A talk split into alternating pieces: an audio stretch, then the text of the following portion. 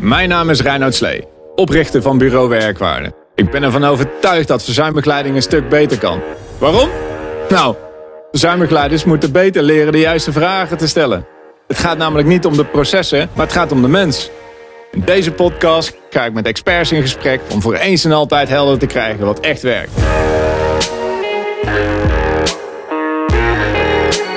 Dit is de Werkwaarde Podcast. Welkom bij uh, weer een uh, nieuwe Werkwaarde Podcast. Uh, vandaag gaan we in de diepte springen met René Zielhorst, van de oprichter van, van Fitcoin, over preventie en, en verzuim. En ja, er moet toch iets van het hart gaan, René. ik ben afgestudeerd op gezondheidsbevordering op de werkvloer. Ik heb daar mijn scriptie over geschreven. En er was een beetje een kater voor me ik vind het sindsdien best, best ingewikkeld. Dus ja, ik ben hier vandaag om jou te leren hoe, hoe we preventie echt goed kunnen inzetten. En ja, hoe we daar uh, dat kunnen, kunnen gebruiken voor, uh, voor minder verzuim. Mooi. Ik ben benieuwd naar jouw kater trouwens. ja, nou ja, uh, mijn kater was, um, is dat ik er eigenlijk achter kwam met alle, want ik werkte toen voor een zakelijke dienstverlener, detacheringsbureau. En ik begon eigenlijk allemaal met alle interventies uh, van beweging en, en voeding en, en, stoppen met roken. Weet je, de, de, nou, de, de klassieke Bravo. Bravo uh, ja. ja. Ja, ja, En um, waar ik vooral achter kwam is dat um, mensen die eigenlijk al daar iets mee hadden, of nee, eigenlijk de easy pickings, eigenlijk die ik als ik een sportkaart begon, dan waren het eigenlijk de mensen die al sporten, die, die dan eigenlijk gebruik gingen maken van die sportschool. De tweede tranche was er eigenlijk mensen die daar al aan het twijfelen waren om te sporten. En die kon ik nog wel over de schreef eh, trekken. Maar ik zag echt mensen om me heen, waar ik dan dagelijks basis mee samenwerk of die ik in de kantine zat. En ik denk, waarom, waarom zie ik jou nooit in de sportschool? dat lijkt me volgens mij een goed idee. Als jij ook. Uh, en die, en die, het lukte me niet om die mensen te bereiken. Daar, daar ben ik gewoon niet in geslaagd. En ik liep ook tegen allerlei privacy dingen op. Want eigenlijk wilde ik iemand aanschrijven. En zeg joh, dit volgens mij voor jou een heel goed idee. Maar dat mocht niet. En ja, dat was echt een kater. En ik had echt niet het idee aan het einde dat ik echt betekenisvol iets had bijgedragen. Dus, um, en jij doet dat volgens mij wel, in ieder geval met Bitcoin. En ik ben gewoon oprecht heel erg nieuwsgierig van hoe werkt dat? Hoe kan je mensen een soort verleiden om tot gezond gedrag? Nou, dat is een hele interessante, want het is, uh, misschien herken je ook mijn platte neus. Ik ben in de, in de loop van de tijd tegen heel veel deuren en, en, en glazen muren aangelopen. Uh, eigenlijk precies, precies de reden die jij schetst. Ik, ben, uh, ik, heb, ik heb geen historie met gezondheidsbevordering. Ik ben gymnastiekmeester van huis uit. Dus ik heb academie lichamelijke opvoeding gedaan. En ik ben begonnen op die werkvloer die jij net noemt. Ik ben begonnen als fitnessinstructeur binnen, binnen een van de ministeries in Den Haag om uh, mensen te, enthousiasmeren, uh, te, te, enthousiasmeren om te gaan sporten. Uh, dus ik ben, ik ben gelukkig niet behept met enige kennis en, en historie. Ik ben gewoon echt gewoon begonnen met, met mijn voetjes in de klei. En ik ben, begonnen bij het ministerie van Verkeer en Waterstaat. Dat heet tegenwoordig met een mooi woord, woord infrastructuur en milieu. en dan kregen wij een, een, een oude kelder toegewezen om een paar apparaten in te zetten in 1989. En we hadden een paar judomatten onder de trap liggen van het vergadercentrum. En daar zijn we gewoon begonnen met het geven van sportlessen. En het klopt helemaal wat jij zegt. In het begin zagen we daar met name de mensen binnenkomen die al redelijk sportief waren. En die dachten, hé, hey, nu kan ik op mijn werk eh, sporten. Dat kostte toen 15 eh, gulden. Ik weet niet of dat de luisteraars ook weten wat nog een gulden is. Maar dat kostte 15 gulden, werd ingehouden op je salaris. Dat zag je niet eens, dus dat, dat, dat ging helemaal uh, eigenlijk buiten je gezichtsveld. En dat was de doelgroep die we zagen. En ik kwam daar als broekie eh, binnen en ik vond het gewoon ontzettend leuk. En ik stond met een ghetto blaster met, uh, met uh, tapejes met muziek onder de trap les te geven. Fantastisch. En mijn, mijn enthousiasme deed heel veel. Dus je zag, en dat vond ik ook het leuke van het, het, het lesgeven aan volwassenen. Als je er veel energie in stopt, dan komt er ook veel energie uit. En dat praatte zich rond. Dus er kwamen steeds meer mensen. Hmm. Die kwamen bij mij sporten. Ook mensen die het nog nooit gedaan hebben. Maar dat waren ook de mensen die het snelst weer afhaakten. En wanneer haakten ze af als bijvoorbeeld ik op vakantie was en er kwam een andere instructeur. Oh ja. En dat was niet omdat hij minder was of slechter. Dat was helemaal niet het geval. Nee, het was vertrouwd. Ja, dus mensen hebben een bepaald vertrouwen nodig om, om, om dat te kunnen doen. En een bepaalde veiligheid. Um, maar wat eigenlijk het belangrijkste is, en dat is, dat is ook de, de, de, uh, ja, eigenlijk wat jij net zegt. We, hadden een bedrijf als opdrachtgever. En die stelde ons ook de vraag van, joh, hoe ga je nou zorgen dat de mensen die het het hardst nodig hebben, dat die bij jou binnenkomen? En dan ga je allerlei dingen bedenken. Uh, ja, ik noem dat een beetje het missionaris-principe. Ja, Je gaat zenden. je gaat inderdaad mensen benaderen. Wij gingen, ik heb met, met, met knipperende lampjes op mijn hoofd door het, door het ministerie gelopen om mensen te werven om te komen sporten. Rondom deze tijd hadden we kerstmuts met al van die lampjes erop. En dan gingen we mensen, ja, goede voornemens, je kent het allemaal wel. Ja, en dan zagen we ook, in begin januari zagen we ook het, deelnemersaantal zagen we toenemen. Iedereen fanatiek mensen klagen, ja, ik moet, ik moet wachten voor de loopband. Het is zo druk. En in februari zagen we het altijd weer een beetje afvlakken. En in maart was het weer business as usual. En dan kwamen alleen weer de, de usual suspects. Dus de mensen die altijd kwamen, kwamen sporten. En ik heb het, dezelfde frustratie uh, gehad als jij. Ik probeerde iedereen door hetzelfde deurtje te duwen. En um, ik keek niet naar de persoon. Ik, ik, mijn fitnesscentrum was het uitgangspunt. Er zat letterlijk een deur in. En ik wilde iedereen door hetzelfde deurtje in dezelfde box. Ik zat echt in de box te denken. en dat is gewoon heel erg lastig. En, en, en ik, ik heb mensen echt het fitnesscentrum uitgejaagd. Weet je hoe? Hm. Door ze een fitnesstest te laten doen bij binnenkomst. Ah. Ja, moet jij je voorstellen. Dus hè, wij dachten dat het heel professioneel was. Maar dan moet je je dus voorstellen. Je hebt nog nooit gesport. Je bent op leeftijd. Je hebt een paar kilootjes te veel. En dan wil je lid worden bij mij en dan ga ik beginnen met jouw huidplooien te meten om te kijken wat je vetpercentage is.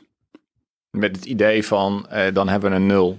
ja, uh, ja, ja, ja, nou, mensen schrikken zich helemaal rot als je dat gaat doen. Als je dat helemaal niet gewend bent. Hè? Dus je, bent al, je hebt al het lef getoond om over die drempel te komen. In die ruimte waar de muziek net iets te hard staat.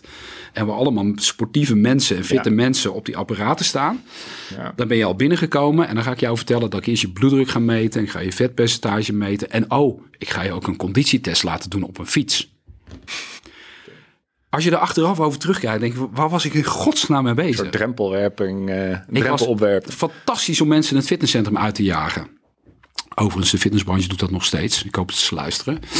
Uh, uh, want het, het, het, we sluiten totaal niet aan op de belevingswereld van de mensen. En uh, op een gegeven moment, ik heb daar een, een, relatief succesvol bedrijf financieel mee opgebouwd. Maar ik vond te weinig impact. Want we bereikten vooral de mensen die al, al sportief waren. Dus de impact was, was niet zo groot. Uh, maar wij zaten uh, inmiddels uh, rond 2008, 2009 hadden we behoorlijk wat locaties binnen de bank- en de verzekeringswereld. Mm -hmm. En dan brak een crisis uit. En ineens bleken wij gewoon een heel kwetsbaar uh, bedrijfsmodel te hebben. Want ja, als je geen impact maakt, dan gaat er ook heel makkelijk de streep doorheen. Dan ben je ineens een kostenpost. Dan ben je geen investering meer, maar dan ben je een kostenpost. En dat was voor mij eigenlijk een vertrekpunt om, om gewoon te kijken van... hé, hey, maar uh, hoe kan het zo zijn dat als, als er gekozen wordt voor een andere koffieleverancier. En de koffie is niet lekker, dat er ongeveer een revolutie uitbreekt binnen een bedrijf. Ja. Ja. Terwijl op het moment dat de streep gaat door het fitnesscentrum, dan hoor je 10% van de mensen af en toe even wat zeggen. En dan zeggen, nou, dan ga ik wel ergens anders sporten. En dat maakt het natuurlijk heel erg kwetsbaar. En, en, en toen ben ik veel meer vanuit, ik ben ook getrouwd met een, met een psycholoog. Uh, en die heeft ook een hele vernieuwende kijk op psychologie, veel meer positief gericht. Hè? Dus we gaan niet klachtgerelateerd gaan we, gaan we denken, nee, waar wil je naartoe in de toekomst? Mm. En zij heeft me heel erg geïnspireerd om ook vanuit dat aspect te kijken van, joh, waar wil je naartoe? Ja, wat, wat, is je, wat, wat, wat is jouw, uh, hoe ziet jouw leven eruit? En zo, zo kwam eigenlijk It's My Life als project naar boven. Van laten we nou eens gaan kijken naar vanuit de gedragsverandering. Hoe kunnen we mensen nou helpen om, uh, om gezonder te gaan leven? En nou, in, in die zoektocht kwamen we erachter dat wij richten onze hele maatschappij, inclusief ook de werkplek, per definitie in voor ongezond gedrag. We laten mensen de hele dag op een stoel zitten, op kantoor. Ja, ongezonder kan je het niet maken. En zeggen, nou, dan moeten we goed voor ze zorgen. Dus dan zetten, zetten we een vendingmachine neer met allemaal chips en cola erin en zo. Dan kunnen ze lekker pakken. En dan denken we dat we dan goed voor de mensen aan het zorgen zijn. En dan moeten ze in de restaurant, ja, moeten wel snacks hebben, weet je wel. Want, want ja, mensen moeten wel even iets lekkers kunnen eten. En ongemerkt zijn wij gewoon een, een, een wereld aan het creëren met elkaar, waar, uh, waar het heel makkelijk is om je ongezond te gedragen. Sterker nog, het is eerder de norm dan de uitzondering. Het is een hele grote verleiding, denk ik. Ja, en uh, dat, dat gaat ook heel makkelijk, omdat wij, we doen het daar heel erg goed op. Dus commercieel gezien is het natuurlijk hartstikke fijn om het mensen zo makkelijk mogelijk te maken. En dat doen we vaak met ongezonde dingen.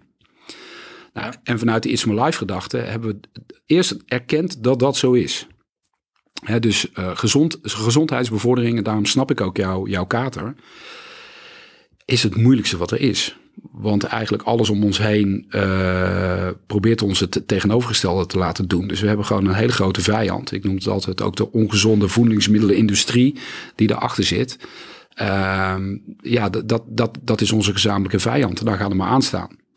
Nou, ik heb gewoon gemerkt dat als je daar interventies, sowieso bij een, interventie ben je al te laat, hè, want dan is er al een probleem. Maar als het gaat over gezondheidsbevordering, ja, dan is het enige waarvan ik geloof dat dat gaat werken, dat we met z'n allen naar een systeem tegenover gaan zetten, wat het gezonde gedrag zo gemakkelijk mogelijk maakt. En dat is de uitdaging waar we voor staan. Dus het is, het, is niet, het is niet een trucje of een visie. Het is, hey, faciliteren. Ja, hoe willen we met elkaar de maatschappij inrichten? En wat ik het mooie vind met, uh, om met, met, met bedrijven en, en, en organisaties aan de slag te gaan, dat je ontzettend veel invloed hebt op al die facetten. dus, dus het individueel welbevinden, hoe je je werkplek inricht, uh, de sociale context waar mensen zich in bevinden. Want het is een, een overzichtelijke populatie en, en ze hebben al een, een, een binding met jou.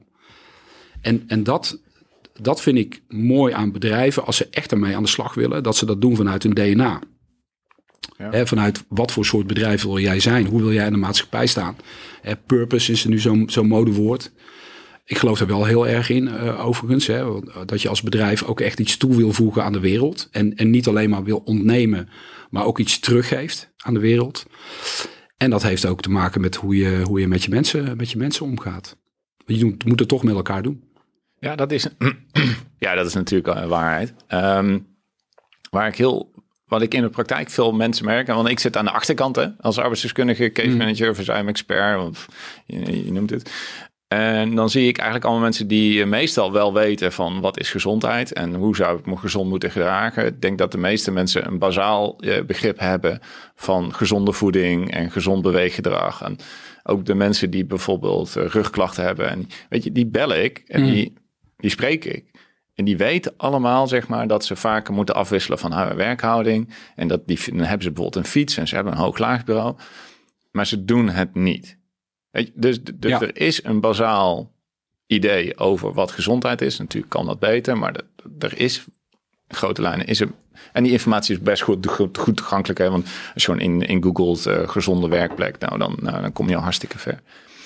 Het wordt vaak ook goed gefaciliteerd. Mm en toch gebeurt het niet. Nee. Omdat mensen wel gezond willen zijn, maar niet de prijzen voor willen betalen. Of uh, niet ervoor willen doen, want dat, dat vraagt een bepaalde inspanning. Het is niet mm. gemakkelijk. Ja, dat heb ik ook jarenlang geroepen. Maar daar ben ik wel van teruggekomen. Want uh, dat, dan, dan proberen we terug te brengen tot.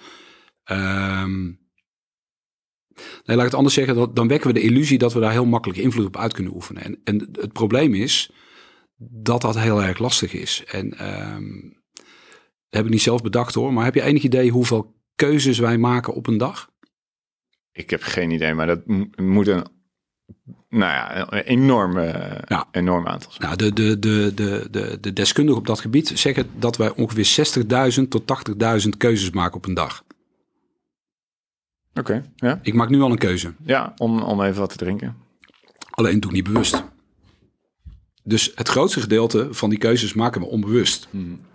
En dat is heel logisch, want als, we, als je over 60.000 tot 80.000 keuzes na moet denken op een dag, ja, dan, dan, voordat je je sokken hebt gekozen, uh, is de dag voorbij. want je hebt zoveel dingen, eh, dus, dus ons brein is eh, geprogrammeerd om zoveel mogelijk dingen routinematig te doen. Dat kost namelijk het minste energie. En dat hebben we nodig om te kunnen overleven. Hè? Dat is vanuit de overlevingsstrategie uh, uh, die we als mens hebben, die de laatste 40.000, 50.000 jaar prima heeft gewerkt. Want we zijn er nog steeds, ondanks alle dingen die gebeurd zijn en ook ondanks nu COVID, wij zijn heel goed in staat om te overleven. Hè, door ons rationele brein. Alleen dat, dat heeft een bepaald vermogen en we doen heel veel dingen dus op die automatische piloot. En ik, ik geef altijd het mooiste voorbeeld: autorijden. Ja. Enig idee nou ja, dat, dat, dat kan je wel voorstellen. Hoeveel keuzes je daarin maakt. Je zit zo'n complexe materie met allemaal handelingen die je uit moet voeren. Fietsers, voetgangers, uh, duiven die langs vliegen. En dat gaat bijna altijd goed. Ja. Maar niet omdat het bewust gaat. Dat gaat op de automatische Nee, piloot. soms En- ben ik wel eens, heb ik, heb ik wel zo, oh, dat ik gewoon een afslag voorbij Ja. ben gereden. En Ja. dan denk ik, hè? Weet je, Hoe kom ik gewoon- hier nou? Hoe Ja. kom ik hier nou? Ja, nou, dat is het, de ultieme vorm van hoe die automatische piloot werkt. En dat is heel erg nuttig, want het bespaart energie. En eh, die hebben we nodig, want op het moment dat er dan één, iets gebeurt en in één keer ook iets gebeurt, en je wordt in één keer afgesneden of er steekt iemand over, dan, bam! Dan komt de adrenaline in ons lijf en dan zijn we in staat om heel snel te reageren reflexmatig. Dus niet bewust, reflexmatig. En daarna is het dink, dink, dink, dink, dink. ja. En dan komt de, de adrenaline pas en denk je, wow. Maar dat is hoe ons brein werkt. Dus op een moment, en, en, hè, op een moment dat wij zeggen dat je iets moet doen, ja, dat, dat, dat, is wel waar. Maar het is heel moeilijk om dat te incorporeren in je leven, omdat het uit je, je, je, je eh, routinematig gedrag gaat halen. En wij zijn geprogrammeerd op routines. Dus op een moment dat, dat jij gaat zeggen van ja, je moet heel wat anders gaan zitten. Of eh, dat zeggen wij ook hè. Elk half uur eigenlijk een beweegmomentje. En je gaat zitten en je zit in jouw stuk. Je bent aan het werk en je bent het vergeten. En daarom gebeurt het niet. Dus dat is niet van ja, je, hè, je hebt te weinig motivatie, zeggen we dan. heb ik ook jarenlang geroepen. Hè.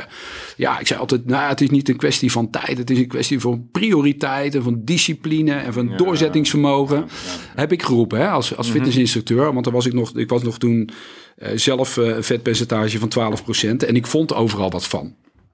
Maar dat werkt natuurlijk helemaal niet in de praktijk om dat te, te gaan roepen. Want we zitten met die, met die omgeving die per definitie uitdaagt tot ongezond gedrag. Dat erkennen is het begin. Wanneer zijn mensen wel bereid om iets te gaan veranderen? Ehm, op het moment dat er een klacht is. En ze hebben het al ervaren.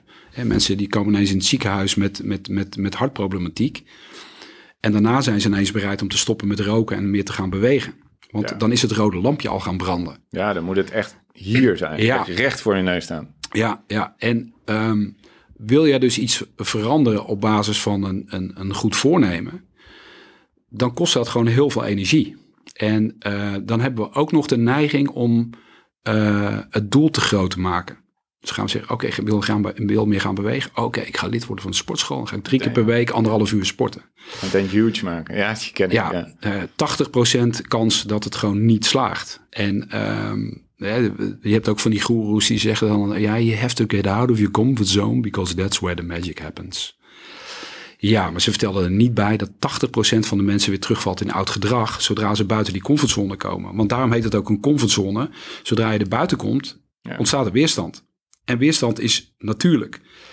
Je kunt dat ontlopen door de zorg dat je binnen je comfortzone blijft en de grenzen op gaat rekken.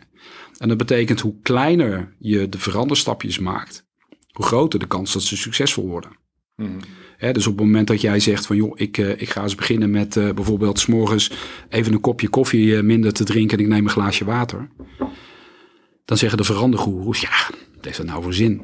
Ja, maar als je nou eens elke dag zo'n stap maakt. Ja, hoe kleiner de stap, hoe kleiner het afbreukrisico is. Ja, En je kan beter 100 kleine stapjes nemen, zoals je zegt, 100 kleine stapjes nemen, dan één grote stap.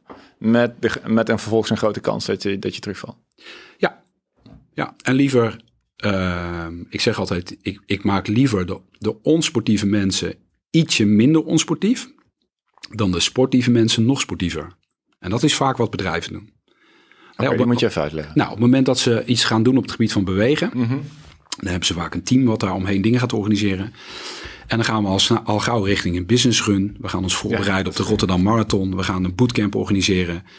En daarmee bereik je dus alleen weer die mensen die dat aankunnen. Want niemand die niet sportief is, gaat daar aan, aan deelnemen. Nee. Dus je kan beter gaan, gaan, eh, gaan starten met hele laagdrempelige activiteiten. Die juist die doelgroep hè, die je graag wil bereiken. Zeggen, oh ja, maar dat kan ik wel. Dat vind ik wel leuk. Hè, dat, het, dat, jouw gedachtegang. Zit, er zit een systeem in je hersenen. Amygdala, dat is ons angstsysteem.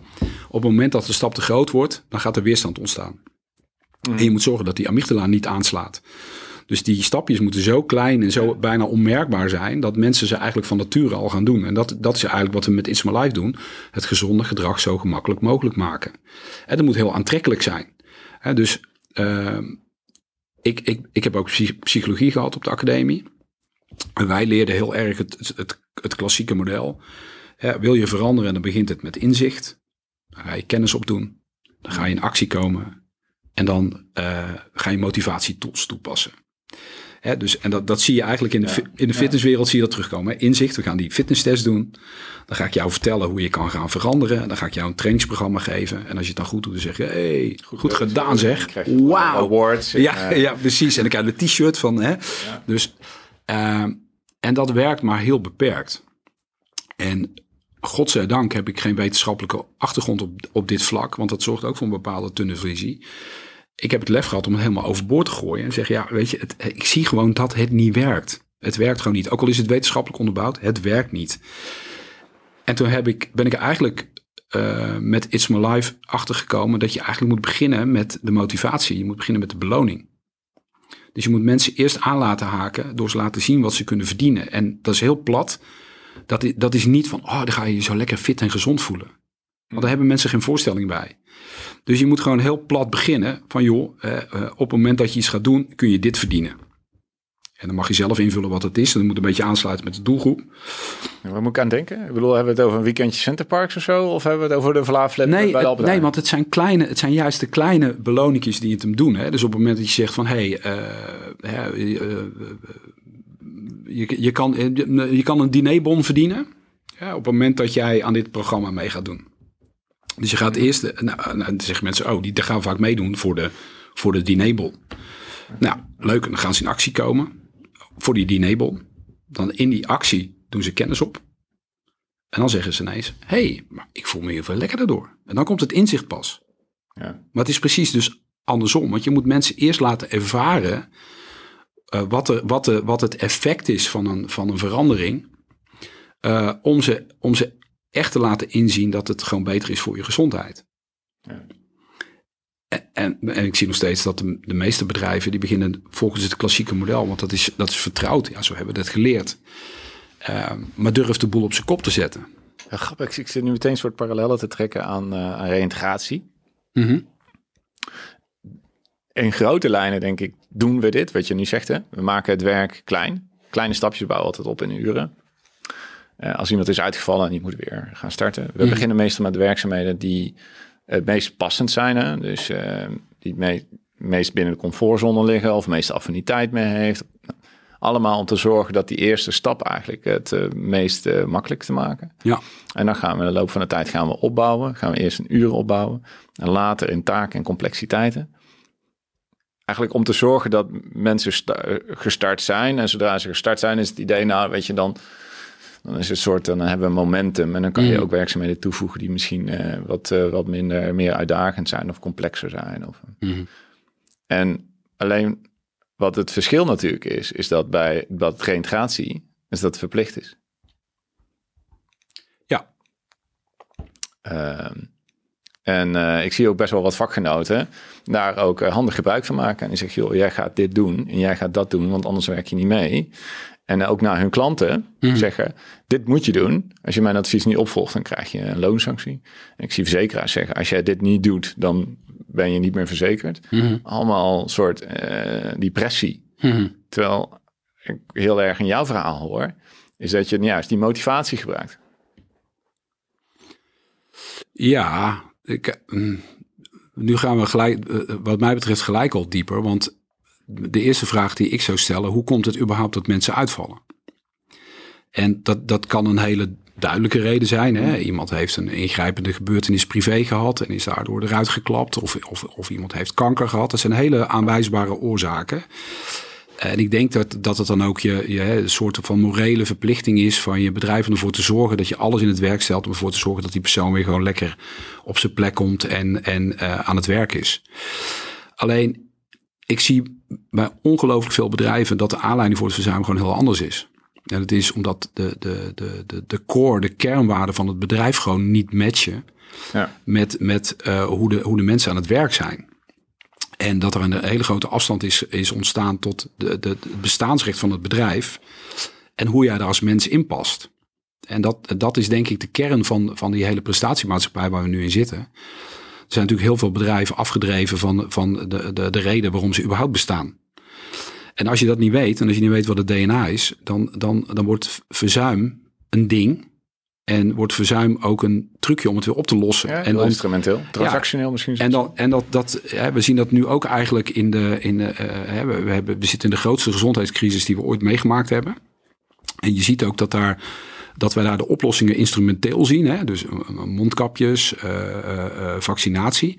En als we dan zien dat mensen het niet doen, hè? Dus dat, dan, gaan we, dan gaan we daar sancties op zetten. Dus ja, we gaan kijken of dat we kunnen verplichten. En, maar weet je wat het is? Op het moment dat je, ga, dat je gaat duwen, gaan mensen alleen maar harder terugduwen. Want dat is een hele natuurlijke reflex. Mm. Als jij tegen mij aan gaat duwen, ja, dan ga ik niet mee naar achter. Nee, ik ga terugduwen. Ja. Uh, en, en, zo werkt het ook bij, bij uh, ben ik ervan overtuigd dat het ook zo bij verzuim werkt. En ik, ik verwacht, en ik denk dat er ook voor, voor jou en voor, voor jullie bureau een, een, een, uh, een echt een, een, kans en een uitdaging ligt. Ik denk dat het klassieke model, hoe we daarmee omgaan, dat het, dat het enorm op de schop gaat de komende jaren. Ja, ik hoop het wel. Ja. Ik weet het wel zeker. Kijk, ik, ik, uh, je ziet bijvoorbeeld ook hoe, hoe arbodiensten daar op dit moment mee worstelen.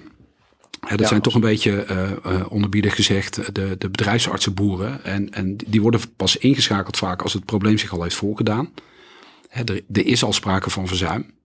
Er zit dan een gat in de dijk. En dan gaan we kijken hoe kunnen we dan dat met, met, met zandzakken dat gat weer gaan dichten. Nou, er is geen gouden zandzak. Hè, want dan hadden iedereen die zandzak en dan gooide iedereen hem in hetzelfde gat. Maar dat is er niet. Dus, um, en je, je kunt blijven dweilen op die manier. Dus het is denk ik heel belangrijk om als bedrijf in te zoomen. Wat is überhaupt de reden dat mensen uitvallen bij mij? En dat kan, soms is het heel duidelijk aanwijsbaar. Hè? Iemand is aangereden op een zebrapad of iemand heeft kanker of is, ligt in scheiding. Dat zijn hele plausibele redenen. Ja, je kan het wel aanwijzen. Ja, waar, ja. maar je hebt daar ook mhm. weinig invloed op als werkgever. We hebben wel mee te maken en, en je hebt er wel last van. Hè? Even, even onderbiedig gezegd last. Dus daar moet je wat mee. Nou, dan, dan is er nog het verzuim waar jij als werkgever echt verantwoordelijk voor bent. Hè, dan hebben we het over veiligheid. We zitten bijvoorbeeld ook, we werken voor een grote raffinaderij in Rotterdam. Ja, daar is veiligheid echt een issue. En op het moment dat het misgaat, ben je ook echt als werkgever aantoonbaar verantwoordelijk voor het incident. Dus dat is de andere kant van het spectrum. En daartussen zit een enorme schakering aan grijs. Waarbij het, hè, ben ik nou wel, ben ik nou niet verantwoordelijk? Moet ik er wel wat aan doen? Moet ik er niet wat aan doen? Ja, weet je, ja, griepje, uh, ja, COVID, ja, daar, daar kunnen we niks aan doen. Ben je voor verantwoordelijk als werkgever? Nee. Moet je er wat mee? Ja, misschien wel. Hè? Dus daar, daar, daar kom je een beetje in die, in die, in die spagaat te zitten van tot, tot waar ga je als werkgever? En daar zie ik ook dat de meeste werkgevers, als het gaat om, om preventie en gezondheidsbevordering, die gaan ook voor de quick fix. Korte termijn mm. dingetjes. Uh, we hebben zo'n RSI-hype gehad. We hebben het, oh, strain injury, de, de muisarm. Ja, uh, ergonomische aanpassingen op, geld erin pompen. Uh, pauzesoftware op je computer. Dus dat zijn allemaal instrumentele, uh, ik noem het de oplosreflex. Snelle pleistertjes plakken om te hopen dat je op die manier de, ja. de tsunami die eraan komt kunt, kunt stoppen. Maar waar het in de core om gaat is, wat voor soort bedrijf wil jij zijn? Wat, wat is jouw DNA als bedrijf? Welke kernwaarden zijn daar? En hoe zie ik dat congruent aan wat wij willen toevoegen aan de maatschappij, aan de producten en de dienstverlening die we hmm. hebben en de manier waarop we met mensen omgaan. De vraag is dan wel een beetje natuurlijk wat jij en ik aan het doen zijn, is preventie en, en curatief, is of we daarmee. Oh. Dankjewel. Mensen in een arbeidsproces houden die daar eigenlijk niet in passen. Ja, want op het moment dat ik. Uh, weet je, verzuim en reintegratie en denk ook preventie zou nooit, zou nooit, uh, zou nooit een pijnstiller moeten zijn. Zou, het zou wel zeg maar naar de essentie, naar de oorzaak moeten gaan. Ja, um, nou, ik, wat ik interessant vind en wat jij zegt is, uh, we hebben het nog steeds over een arbeidsrelatie. Maar we, hmm. le we, leven niet meer in het industriële tijdperk.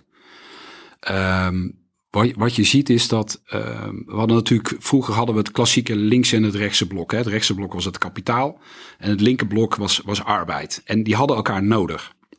Maar wat je ziet eigenlijk dat nu het kapitaal ervoor aan zorgen is dat er steeds minder arbeid nodig is. Dus de, de, hmm. de macht van het arbeidsblok, hè, wat vroeger in balans was, die is helemaal weg aan het vallen. En dat komt doordat we in een informatietijdperk leven. We, we zitten niet meer in het industriële tijdperk, we zitten in het informatietijdperk. En bijna alle innovatie die er op dit moment is, is erop gericht om de factor arbeid te reduceren. Ja, ja, ja. Want de, ja. mens, de mens is onvoorspelbaar en we willen voorspelbaarheid.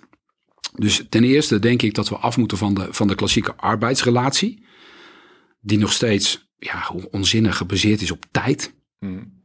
Ja, ja, Gewoon aanwezigheid. ja, Ja. Ik, ik heb een contract voor 36 uur. Ja, leuk. En wat doe je dan in die 36 uur? En waarom? Hè? Iedereen vindt het normaal tegenwoordig eh, dat je 24-7 bij wijze van spreken bereikbaar bent. En dat je ook thuis je laptop nog openklapt. En zeker COVID heeft dat hele proces versneld. Waarom hebben we nog steeds arbeidscontracten gebaseerd op tijd? Dat is één, want tijd is schaars. Dus op het moment dat wij nu met alles wat de, wat de maatschappij van ons vraagt, ook privé en met kids en met sociale contacten, dat, dat eh, arbeid gerelateerd is aan tijd, eh, creëren we al per definitie een privé-werkbalans met een fictieve grens die er niet meer is. Ja, dat vind ik altijd heel interessant. Ja, ja, ja. als je- Überhaupt die hele indeling met werkgerelateerd en niet werkgerelateerd of privé Ja. en zakelijk. Ja, Net, net, net alsof je een gespleten persoonlijkheid hebt Ja. en dat je twee kledingkasten hebt. En, eh, En, en, so, en, en sommige bedrijven is het, hè? Ik bedoel, op het moment dat jij, dat jij eh, eh, huizen bouwt en je, je stopt om vijf uur, ben je op dat moment ook klaar en kan je niet doen. Want je kan niet thuis nog even verder gaan met metselen. Hè, dus er zijn ook beroepen waar die, die grens wel redelijk helder is. Maar, je moet, maar je moet nog steeds, je hebt, je hebt met elkaar een klus te klaren. Dus op het moment dat je als bedrijf gaat gaan denken, oké, wat, wat is nou ons bestaansrecht? Hè? Wat, wat, wat willen we nou, wat kunnen we goed? En wat voegen wij toe aan de maatschappij? En jouw mensen zijn daarvan doordrongen en die willen hetzelfde. Namelijk via jouw bedrijf echt toe doen. Zingeving. ja. Dan kom je bijna nooit in een situatie dat jij eh, te maken krijgt met psychosociale arbeidsbelasting. Ik denk dat het alleen maar ontstaat op een moment dat, jou, dat jij als mens iets anders wil dan het werk waar je mee bezig bent. Dat je er op een andere manier toe wilt doen. Alleen, Nou, dat vind ik wel interessant om naar te kijken. Want als, ik, als je bijvoorbeeld zou gaan kijken van welke beroepen kennen we nou een hoge mate van gezinsgeving. Hè? Dan Mhm. zitten we toch vaak in de dienstverlenende beroepen. Kijk maar naar, naar zorg, eh, Mhm. onderwijs ehm, en onderdelen van de publieke sector. ja, Ehm, ik, ik kom daar heel veel mensen tegen ja, die, die geen baan hebben, maar een missie. ja, En ehm, wat, ik daarmee, wat ik daar eigenlijk klassiek zie, is dat het eh, kort verzuim, eh, dat het heel laag is. Of soort, hè, mensen die gaan door. Hmm. Ik bedoel, op het moment dat je hoofdpijn hebt of zo, weet je, je wil je werk doen. Dus je vindt een manier om daarmee om te gaan. ja, Je regelt je met je collega's, of je gaat met klachten werken. Dat, of je werkt in het weekend en dan doe je overdag even je computer dicht. Die fixen dat. Ja. Daar hoeven we niet zoveel aan te doen. Nou. Kijk, die docent, die wil gewoon voor de klas staan. Mhm. ja, En eh, dus die, die- de, er wordt eigenlijk alle absorptieruimtes die worden gebruikt om, om dat te blijven doen wat ze willen doen, wat ze belangrijk vinden. Het nadeel alleen daarvan is, als ze dan uitvallen, ehm, is dat het meestal langdurig is. En ehm dat komt niet omdat die mensen hun werk niet belangrijk vinden. En sterker nog, die mensen vinden me- hun werk mega belangrijk. Mhm. Maar die, wat ik dan vaak hoor van die mensen is dat ze niet genoeg gefaciliteerd voelen. Of dat ze door een werkgever niet genoeg erkenning eh, krijgen. Want ze zijn zo hard aan het werk. Ehm, of omdat ze zich gewoon niet goed genoeg voor zichzelf gezorgd hebben. Dus dat ze hun missie zo, zeg maar, zo prominent hebben gemaakt. Dus dat ze gewoon niet meer afschakelen. Dat ze altijd blijven werken. Ja, dat- dat is een hele interessante discussie. En wat, wat, wat ik daar moeilijk aan vind, is dat wij weer de verantwoordelijkheid bij het individu neerleggen. Hè, van het is, jij hebt daar zelf voor gezorgd door niet goed met je grenzen om te gaan. En dat, zie, dat zie je nu ook eh, in de hele COVID-discussie zie je dat ontstaan. Hè? Ja. Nee, van bovenaf hebben we bepaalde Ja. maatregelen. En als die maatregelen niet werken, dan zeggen we ja, dat komt omdat de mensen zich er niet aan houden. Nee, En- ja, ik snap dat je dat zegt, maar Ja. ik zie, ik, ik ben juist eigenlijk van het tegenovergestelde eh, overtuigd. Ik vind namelijk dat de meeste werkgevers waarvoor ik werk niet de verantwoordelijkheid nemen om te checken bij hun personeel of wanneer ze ja zeggen, of, ze, of dat ook realistisch is. Ik vind dat, we, Ja, dat een met- werkgever die verantwoordelijkheid heeft. Ben ik met je eens, maar het ligt op een hoger niveau. Jij noemt de zorg en het onderwijs. Mhm. Ik- Ik denk twee sectoren waar het verzuim op dit moment heel hoog ligt. Ja, enorm. Dat heeft niet te maken met de mensen zelf, die ontzettende passie hebben voor datgene waar ze bezig zijn. Mhm. Dat heeft vaak ook niet te maken met die directe bedrijfsleiding. Maar dat heeft te maken dat wij daarboven een maatschappij hebben gecreëerd die ingericht is op efficiëntie en kosten. En dat zie je in de, in, de, uh, in, de, in de zorg zie je dat gebeuren en in het onderwijs. We willen controle hebben over de uitkomst. Zorgkosten 100 miljard per jaar in Nederland, echt gigantisch hoog. En het stijgt de komende jaren door naar 140. Dus wat zien we? Nieuwe regeerakkoord. We willen 5 miljard op kosten gaan besparen. Nou, iedereen ontploft. Maar het enige wat ze zeggen is, we willen dat het, het tekort niet verder oploopt. Ja, niet binnen hard groeit. Dus ze willen niet zeggen dat ze niet gaan investeren. Alleen ze willen dat, het, dat het, eh, de, de, de kosten niet verder groeien. En hoe doen we dat? Regels, regels, regels. Controle, controle, controle, procedures. De reden waarom mensen in de zorg uitvallen, is dat ze niet meer met zorg bezig zijn. Maar met zich de hele, de hele tijd te plooien naar de regels. De administratie, de dingen die ze niet leuk vinden. Als jij als onderwijzer vastzit in een keurslijf van de inspectie en niet de vrijheid hebt om de lessen met jouw kinderen in te richten zoals je, die, zoals je erin gelooft dat het gaat werken, Mm. dan kom jij met jezelf, uh, met je eigen kernwaarden in strijd. En dat zie je in de zorg ook gebeuren. Daar, ha- daar haken mensen op af. En dat is, dat is niet de verantwoordelijkheid van de persoon. Dat is ook niet de verantwoordelijkheid, in mijn optiek, hè, niet de verantwoordelijkheid van de, van de bedrijfsleiding. Maar dat is van de wereld die we met elkaar creëren. En dat is precies de essentie. Op het moment. Ik, ik zie mijn jongste dochter, die heeft, nou, we hadden het er net over, die heeft vanmorgen, eh, die zit in groep 8 van de basisschool. Eh, die heeft een kerstdineetje of kerstontbijtje. Hartstikke leuk, die is ontzettend autonoom. En zij komt in de klas vast te zitten in een keurslijf. Wat totaal niet bij haar past. Die is doodongelukkig. Een kind van 11 dat doodongelukkig naar school gaat. En waarom? Ze is onwijs creatief. En ze wil vrijheid hebben om te creëren. Mm. Maar er is geen ruimte voor in het systeem. Kinderen worden allemaal geacht in tussen het spoor te blijven. En alle kinderen die links of rechts naast het spoor willen zijn, die worden, eh, ja, dat is lastig. Want dan moet een docent meer tijd aan besteden en die hebben ze niet. Want ze moeten het programma afwerken. Mm. En dan mogen ze niet in afwijken. En dat zie je in de zorg ook. Mensen zijn bezig met procedures na te leven, fouten voorkomen, eh, risico's af te dekken, verantwoordelijkheid af te schuiven. Als ik maar in ieder geval ingevuld heb wat ik moet doen, Ja. en dat ik kan laten zien dat ik geen fouten heb gemaakt, dan ben ik safe. Maar dat is niet waar ze voor dat vak gekozen hebben. Nee, maar de organisatie zit dan ook, dat hoor ik dan ook wel, hè? expliciet eh, die werknemers zeggen, dus dat de organisatie vaak in de weg zit. Ja, maar ik denk dat dat ook geen onwil is. Maar ik denk dat die organisatie ook vastzit in, in, in, in, een, in een groter systeem wat we met elkaar gecreëerd hebben. Waar ook met z'n allen verantwoordelijk voor zijn.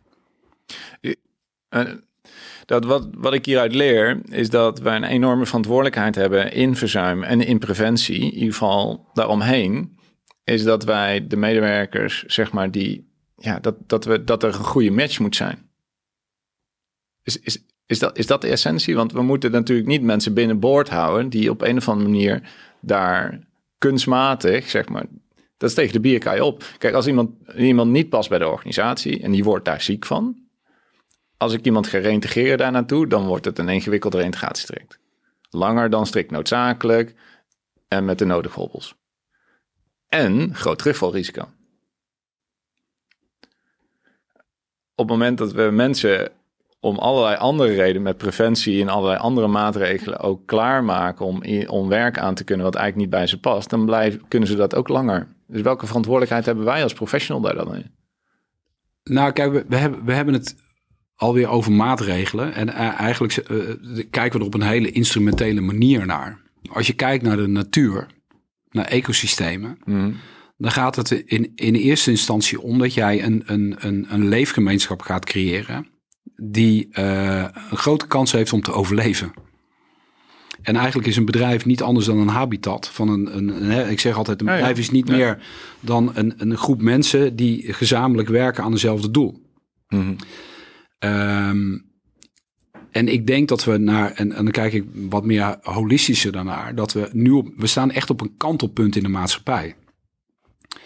Ehm, dat, dat is wat er nu al aan het ontstaan is. Daarom is, het- daarom is er zoveel onrust. De, de, de- wat, wat we de afgelopen 100, 200 jaar gedaan hebben, dat werkte prima, maar nu niet meer. En je ziet gewoon dat het, dat het probleem is dat iedereen daarmee aan het worstelen is. En dat, dat, dat uitte zich al in 2008 met de financiële crisis. Dat we, zachten, dat we dachten het systeem klopt niet. Nu komt er een virus overheen. En we zien nu gewoon dat hè, waar we mee te maken krijgen, dat ook dat gewoon heel erg lastig is. Dat, dat haalt ons uit onze comfortzone, letterlijk. Hè. Ja, ja. Eh, En dan zie je gewoon dat er heel veel weerstand gaat ontstaan. We hebben te maken met klimaat. Dat is een, een probleem wat nog veel groter is, wat er aankomt. En je ziet dat iedereen eigenlijk aan het worstelen is met die thema's. En ehm, dan kom ik weer terug bij de basis. Als mens wil je ertoe doen. We- we- eh, eh, eh, Rutger Brechtman heeft een mooi boek geschreven. De mensen, mensen deugen. Oh ja. Op het moment dat jij straks eh, eh, 80 wordt en, en, en er is een receptie, wat wil jij dan dat er over jou verteld wordt? Wil je dat er dan verteld wordt, ah, papa was nooit thuis, want die zat de hele dag op kantoor? Of wil jij bepaalde legacy, een nalatenschap achterlaten, waarop mensen zeggen, hé, hey, maar die, die, ja, weet je, die eh Reinoud en René, die stonden voor dit, dat, en was humor, en, en, en die, die, die, die gingen gave dingen doen, en die hebben iets achtergelaten, waar, waar, waardoor we ons nog hè, die persoon blijven herinneren. Dat is eigenlijk wat we allemaal willen. Alleen we hebben ongemerkt, en dat, dat sluipt erin, werksituaties gecreëerd die gewoon niet menselijk zijn. Wij, wij, wij passen daar gewoon helemaal niet in. Het is niet natuurlijk. En daar gaat het mis. En hoe onnatuurlijker het wordt, hoe groter de problematiek. Ja. Is dan niet die focus, zeg maar? Want die focus is dan ook heel vaak gezondheid. Ja, want dat is een beetje ook het thema wat natuurlijk preventie en curatief beleid met elkaar bindt. Maar wat doe je met gezondheid dan? Ik, ik hoor niemand op zijn sterfbed zeggen, nou, ik heb echt een gezond leven gehad. En alsof of dat dan betekenisvol is, zeg maar. Oh ja, ik ben heel gezond geweest. Ze hem omdraaien. Als je mensen vraagt wat ze nu belangrijk vinden, zegt bijna iedereen gezondheid. En wat doe je daar dan mee als je het hebt? Exact, exact. En zeg je, dan zet ik een camera op jouw giegel en zeg je, dan ga ik jou een dag volgen. Hoe zie ik dat dan dat jij dat belangrijk vindt? En dan blijft het vaak stil. Hmm. En het komt omdat we ongemerkt automatisch weer meegaan in de red race. Ja, en dat je gewoon je, je standaard programmering volgt. Ja. Maar aan de andere ja, kant, ja. Ehm, ik heb nu twee voorbeelden uit de praktijk, weet je wel, die, die ik zelf heel inspirerend vond. Dat zijn mede, twee medewerkers die, ehm, die ernstig ziek zijn. Mhm. Dus die hebben klachten en beperkingen waar, de, waar jij en ik, nou, de meeste mensen die zouden daar niet mee uit hun bed komen. Mhm. Maar die, die is enorm, enorm doorzettingsvermogen. En die kiezen ervoor om met die klachten te gaan werken. En die hebben, ik heb ze geholpen om daar een betekenisvolle in, in, eh, Mhm. betekenis, samen met die werkgever, om daar betekenisvol invulling aan te geven. Dat het ook verantwoord is. Hè? Dus Mhm. daar, de dokters hebben daar meegenomen. En ik heb het idee dat die mensen dichter bij de waarheid zitten dan al die andere mensen die zeggen: mijn gezondheid is belangrijker dan mijn werk. Ik dat is voor die mensen in ieder geval niet waar. Ja. Want die zijn met klachten aan het werk en dat geeft ze zingeving. En ik denk als die mensen later met pensioen gaan, dat ik denk, ik, heb, ik was ongezond en ik had klachten en ik was ziek. En daarmee heb ik dit voor andere mensen kunnen doen. Ja. Ik, ik denk dat je, daar, eh, dat je daar gelijk in hebt. Ik, ik ben dan benieuwd ook, hè, wat, wat, wat, wat voor werk doen die mensen dan? Maar, maar eh, eh, werken is per definitie heel gezond. Is per definitie gezond. Het is gewoon heel goed om, om een bepaalde doel en structuur in je leven te hebben waar je mee bezig bent. Alleen als dat, dat, eh, dat doel door de, de missie van het bedrijf te ver af komt te staan van jouw eigen persoonlijke drijfveren. Ja, dan wordt het ineens Ja. een dingetje. Ik weet nog, want ik, ik herken heel erg wat je zegt. Mijn vader die kreeg in, in 85 eh, kreeg hij ook eh, kanker. Het was hij nog volop in het werkende leven. Hij was 50. En hij is voortdurend bezig geweest om terug te komen op het werk. Dat was zijn doel. Gewoon er weer toe doen. Ja, En toen hij eigenlijk eindelijk terug was en ook weer stapjes kon beginnen, toen had hij eigenlijk zoiets van: oké, dit is me gelukt, nu heb ik rust, nu ga ik afbouwen. Maar hij was wel weer Hmm. terug geweest. Nou ja. En, en dat, dat, was voor, Ah, dat voor hem gewoon, dat was voor hem gewoon super, super belangrijk. En, en eh, ja, d- bij hem ging het ook van eh, inderdaad ertoe doen, eh, ritme hebben in je leven, je omgang met je collega's. Eh, en dat, dat is ook purpose, hè? Dus, dus dat, dat kan ook belangrijk zijn voor je. Ja, ja. Maar dan, dan vind je wel iets belangrijk. En daardoor geeft het je richting, waardoor je, de, eh, waardoor je weer in kan, eh, kan zetten. Alleen, ik denk dat er voor heel veel mensen, en dat is een beetje inherent aan onze maatschappij, dat het gewoon heel ver weg is komen te staan van wat ze daadwerkelijk zelf willen. En dat ze ook vaak niet over nadenken wat dat dan is. En dat komt omdat we meegezogen worden in. Hè, ik, ik vind dat een. een eh, ik, ik probeer mijn kinderen daar anders in, in, in, in, eh, in op te voeden. ik vind een geweldig voorbeeld. Mijn, mijn oudste dochter zit nu in 3 HAVO. Mhm. En dan, dan komt het moment dat je je vakkenpakket moet kiezen. Nou ja. Oké. Nou, dan wordt het interessant. Want ze moeten dat koppelen aan een beroep. Oké. Ja. Nou ja. Ja, en- 2021 moet het koppelen aan een beroep. En dat is een drop-down menu. Ja, je moet, je moet kiezen. maakt een grapje toch niet? Nee, maak geen grapje. Maar Nee, tegen die tijd dat zij is afgestudeerd, dan is de grote kans dat dat beroep überhaupt niet meer bestaat. dankjewel. Nou, dat zeg ik dus ook. Hè. Dus ik, ik zeg, nou, ik heb dat lijstje gezien. Ik zeg, nou, weet je, schat, 50% van wat hier tussen staat, bestaat over 10 jaar niet meer. Ik zeg, en het beroep wat jij straks gaat doen, dat staat hier nog niet op, want dat bestaat nog niet. En, en toen? Ja, maar paps, ik zeg, joh, er is maar één ding wat nu belangrijk is voor jou. Dat is, hoe wil jij je ontwikkelen? Wat vind je interessant? Waar krijg je energie van? Ja, nou ja, ik wil het, het tekenen en ik vind geschiedenis leuk. Ik zeg, oké, ga dat dan doen. Ja, maar pap, daar kan ik toch geen beroep mee krijgen? Ik zeg, ja, weet jij het? ik, heb, ik heb geen idee. Je moet kijken waar je nu staat en waar jouw drijfveren zijn. Ja, maar dan, dan doe ik wel wiskunde erbij, pap. Ik zeg, oh, maar daar vind je toch helemaal niks aan. Dat lukt toch helemaal niet? Ja, maar iedereen zegt dat als je geen wiskunde hebt, dan krijg je geen baan. Hm. Oké. Ik zeg, en welke banen zijn dat dan? Nou, daar hebben ze dan niet echt een antwoord op. Maar dat is, dat is dan zo'n regel die dan door de, door, door, Ja. de, door de school en door de leerlingen wordt omarmd. Van ja, je hebt wiskunde nodig. Een soort mythe.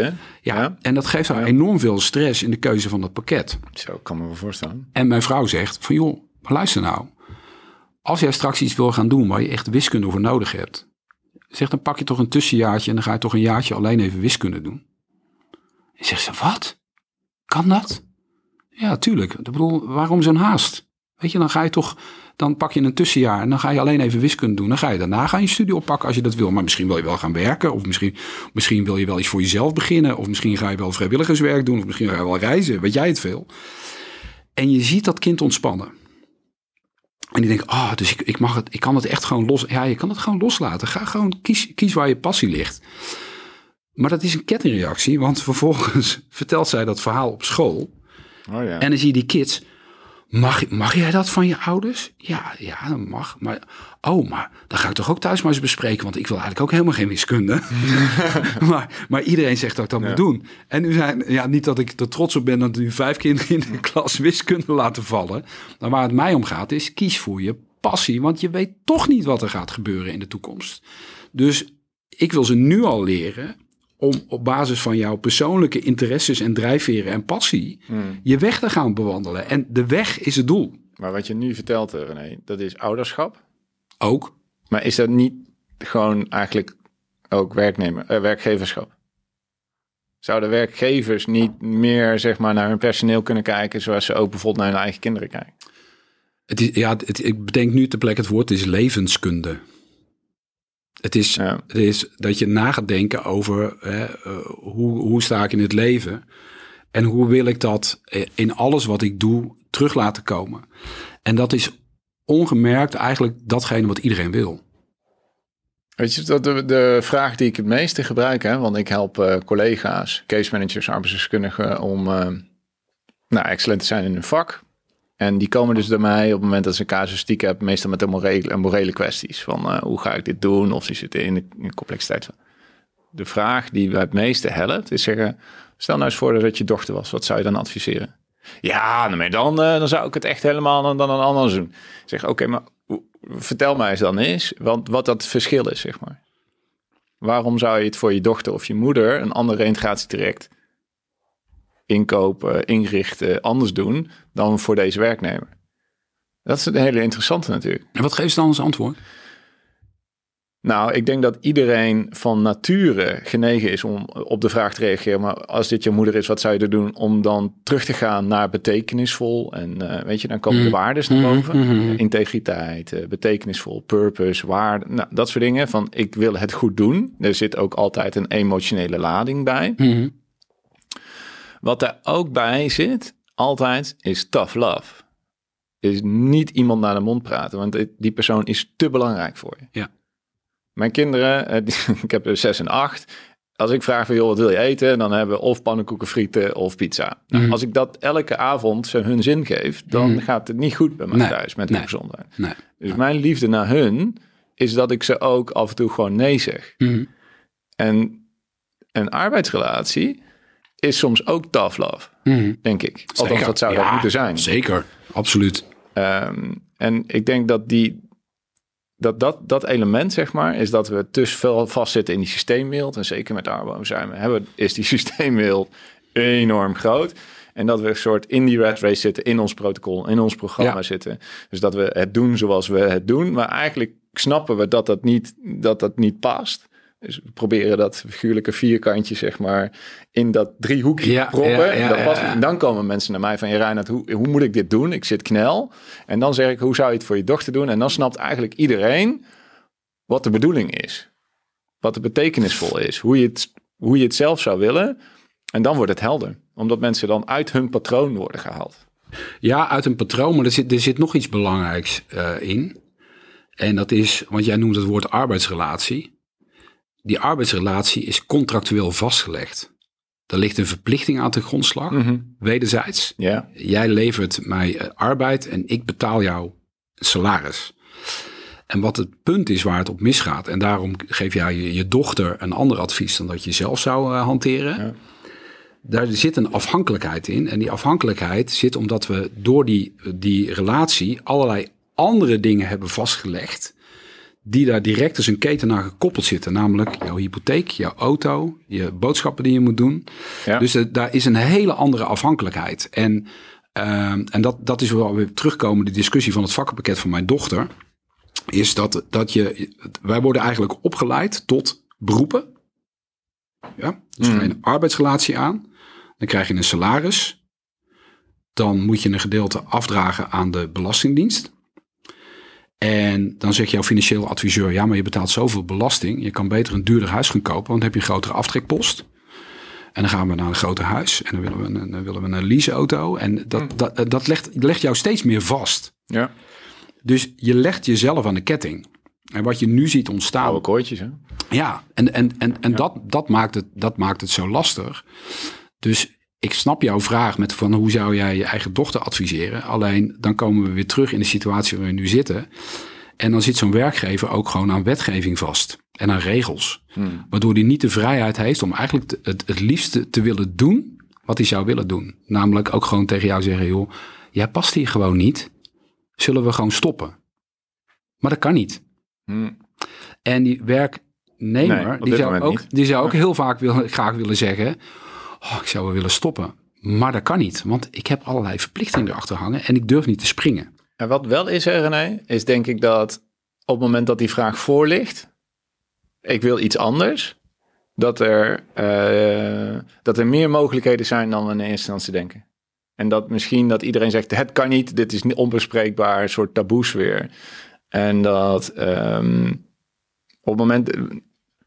Op het moment dat we er echt een betekenisvol traject van maken. Nou, ik, op dit moment heb ik ook een medewerker en heb ik afgesproken. Oké, we gaan. eh, je wil gewoon eigenlijk iets anders. Hè? Het werk wat je deed, dat, dat vind je, dat past er gewoon niet bij. eh, Oké, dat eh, misschien in werkselectie iets misgegaan. Oké, maar we willen wel van mens tot mens iets voor elkaar betekenen. Dus we hebben afgesproken om. Hè, op dit moment is ze nog niet beschikbaar voor ander werk. Daar is ze gewoon nog niet fit genoeg voor. Eh zeg nou, we gaan dat een beetje soort instrumenteel aanvliegen. Dus we gaan gewoon zorgen dat je vlieguren kan maken, dat je uren kan opbouwen. Zodat je aan jezelf ook kan bewijzen dat je fit genoeg bent voor een andere baan. Alleen het doelstelling van die reïntegratie is niet om te komen tot dat werk, tot je eigen werk. En zodra het reïntegratietraject is afgelopen, dan gaat dat reïntegratietraject vanzelf over naar een outplacement traject. Nou, dat was natuurlijk best een, een soort beladen gesprek. Uiteindelijk hebben we het gesprek hebben dat ook op zo'n manier vastgelegd. En dat creëert wel heel rust. Dan zeg ik, oh oké. Dus werkgever zegt, oh we gaan nu gewoon werk verzinnen. Tijdelijk. Om gewoon eh, die medewerker te accommoderen, zodat hij zijn uren kan opbouwen. Dat hij weer zijn gezondheid kan opbouwen. En zodra dat hem is, dan gaan we de medewerker helpen met het vinden van een andere baan. Dus we hebben nu wel alignment. Iedereen wil wel Mhm. hetzelfde doel wel. Dus nu vanaf nu is het, eh, is het eigenlijk, gaat het heel voorspoedig. Ja, ik vind dat een heel mooi voorbeeld. Eh, Er zijn wel twee dingen die mij opvallen in jouw verhaal. Hè? Want je begint eigenlijk een gesprek van mens tot mens. Mhm. En dan vrij snel ga je over op een doelstelling. En er zit er toch weer een procedure achter. Ja? Ik zou heel graag alleen bij het eerste willen blijven.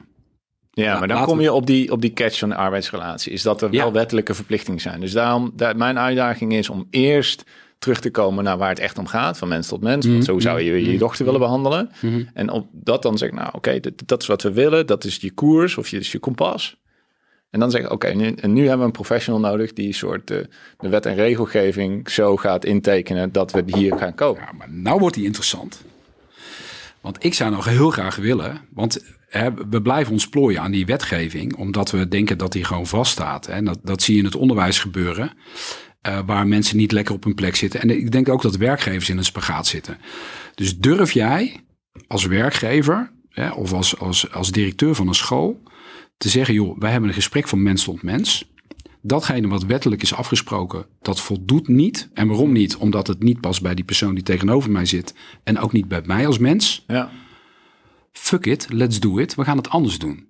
Ja En dan, want dan, ja, moet je, dan ja. moet je op een gegeven moment moet je daarin in opstaan. En daar, draai- de- daar zijn wij steeds meer afgedreven van het mens tot mens zijn. Ik vind het zo mooi dat je dat zegt. Want we hadden het, hè, voordat we de- deze podcast Mm. gingen opnemen, hadden we het ook even over, over eh, eh, aannamebeleid. Oh ja, ja. Dat doen we ook op een hele klassieke manier met een cv en een gesprek. En, en eh, eigenlijk zijn we gewoon toneelstukjes aan het opvoeren met elkaar. Want zowel de werkgever als de werknemer doen zich altijd beter voor dan, dan, dan dat ze zijn. En waarom? Omdat ze eh, eh, allebei graag willen dat er een relatie ontstaat. Maar het aangaan van de relatie is het doel. En we, we kijken dus helemaal niet meer van, joh, match dit met elkaar. En Mm. ik denk dat je ook in een, in een reïntegratietraject, als je gewoon eens een keer begint met kwetsbaar te zijn en een gesprek van mens tot mens en op tafel ligt, joh. ehm hey, Zo'n mooi voorbeeld. We zijn nu in, in, met It's My Life in België begonnen. We hebben een Belgische partner. En dan zijn we afgelopen maandag zijn we daar naartoe geweest. En we zijn begonnen met eh, het hele team. Wat zijn jouw dromen? Oh ja. privé, zakelijk, wat zijn jouw dromen? En daar zijn we twee uur mee bezig geweest. En we hadden een agenda en daar zijn we helemaal niet aan toegekomen. En iedereen had nu- na afloop zoiets van, jee, wat was dit een toffe sessie. Omdat je dan gewoon, wij kwamen in dat gesprek erachter van, hé, hey, maar dit is een match. En dan ontstaat een flow en dan zit je in verbinding met elkaar. En dan ga je weg met de energie. En dat, dat kost helemaal geen moeite. Ja. En ik denk dat als wij weer teruggaan naar de menselijkheid, en dat wij ook een arbeidsrelatie zien als een menselijke relatie. Niet als een contract, maar als een menselijke relatie. Eh, en ook af durven te stappen, juist van die, van die wet en die regelgeving. Dan gaat er gewoon iets heel anders ontstaan. Ik, ik, ik, ben, ik ben begonnen, ik ben 2014 ben ik uit mijn bedrijf gestapt. Daar hadden we 250 man. En ook die procedures die mij heel erg stoorden. En ik ben in 2014 weer begonnen als een start-up met z'n tweeën. En inmiddels zijn we ook weer aan het uitgroeien. Is dat ook aan het groeien? Want uiteindelijk heb je mensen nodig. En ik ben, eh, iedereen verklaarde mij voor gek. Ik ben begonnen met, eh, eh, sowieso iedereen is ergens, er, is niemand, heeft nooit iemand bij ons gesolliciteerd. Het hele team is organisch ontstaan door mensen die je tegenkomt en die, waar het mee klikt. En dan ga je wel samen wat doen. En dan ging je uiteindelijk ging je wel het gesprek aan. Hè, en dan zei ik altijd nou twee dingen. Eén, ik wil dat onze overeenkomst op één A4'tje past. Want we gaan uit van vertrouwen en contracten zijn altijd gebaseerd op, het, op dat het misgaat.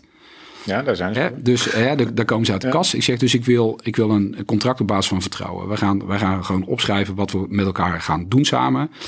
En als het niet meer werkt, moeten we allebei kunnen zeggen... joh, dit werkt gewoon niet, we gaan, we gaan ermee stoppen. Ja. Want zo ga je ook een, een afhankelijkheid. Nee, normaal, zo ga je ook een normale relatie met elkaar aan, toch? Dus dat is één. En ik zeg, het tweede is... jij gaat zelf bepalen wat je wil gaan verdienen. Ik zeg, wat? Ja, je gaat zelf eh, bepalen wat je gaat verdienen. Maar je gaat, je gaat even benchmarken. Wat, wat is realistisch gezien jouw opleiding? Je gaat vragen aan studiegenoten. Hè, dus je, daar moet je wel over nadenken. En, daar komt hij. Je gaat ook vragen aan je collega's wat ze verdienen.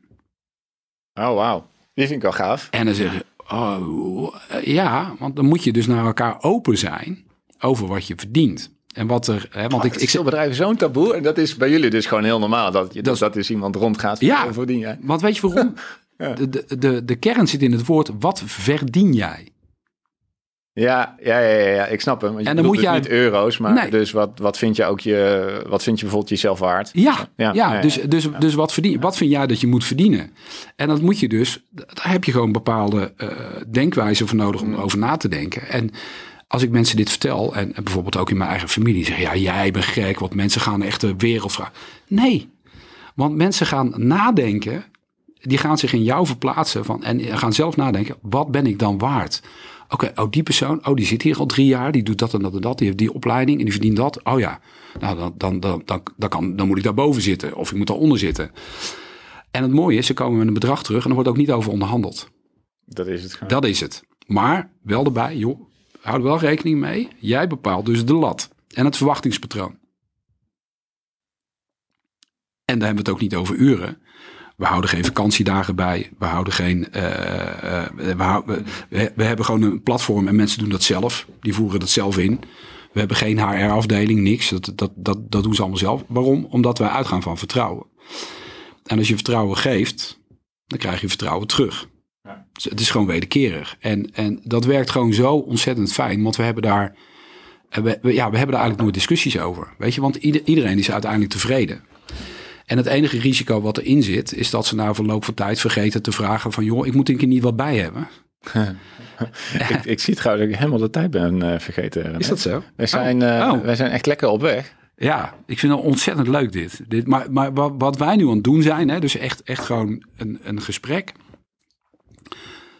Dat zou bij mij de, de basis ook zijn voor hoe, hoe we dat, hoe we dat in, een, in een werkzetting zouden moeten doen. Echt oprechte gesprekken voeren met elkaar. En dat gebeurt bijna niet meer.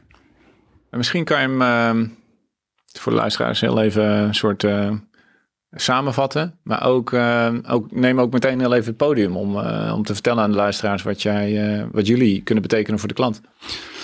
Um, oh, dat is dan wel gelijk weer een, een, een, een interessante vraag natuurlijk. Nee, kijk, wat, waar, waar ik heel erg in geloof en, en wij met ons team vanuit It's My Life is hoe wij dat gezonde gedrag zo gemakkelijk mogelijk kunnen maken. Um, we hebben, waar we het ook over hebben, we hebben eigenlijk een, een ziektekostenmodel in Nederland. Hè? Als het gaat over verzuim, ja. uh, als op zich goed geregeld. Hè? Maar alles is gericht op ziekte en kosten. Dus we komen in actie op het moment dat eigenlijk het probleem zich al heeft voorgedaan.